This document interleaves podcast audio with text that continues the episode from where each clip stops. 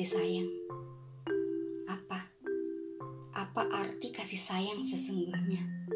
Jika ternyata kasih sayang bisa mengantarkan pada bentuk-bentuk kuasa yang mengakibatkan dominasi dan kekerasan.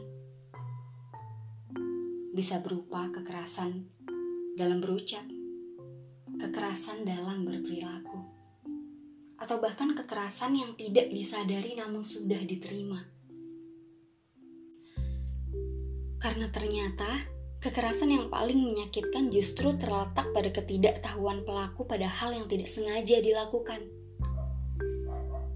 Karena ternyata kedua belah pihak tidak sama-sama sadar dan tidak sama-sama saling berusaha memahami. Karena hanya berlomba menempatkan posisi siapa yang lebih tinggi. Bagaimana pihak dominan mampu mempraktekkan kuasa pada pihak yang terdominasi Kadangkala ada baiknya, namun tidak selalu baik adanya. Maka diperlukan pengetahuan bagaimana cara pembebasan diri dan upaya menciptakan perubahan yang dikehendaki. Jadi, bagaimana? Sudahkah kamu memerdekakan diri sendiri?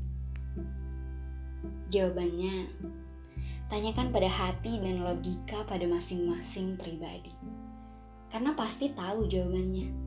Karena setiap pribadi punya kebebasan pada bagaimana cara menyikapi dan memaknai. Selamat memerdekakan diri. Selamat memerdekakan hati. Karena itu adalah salah satu bentuk kasih sayang pada diri. Semoga berhasil upaya mencintai diri sendiri. Naila Sofia, 14 Februari 2021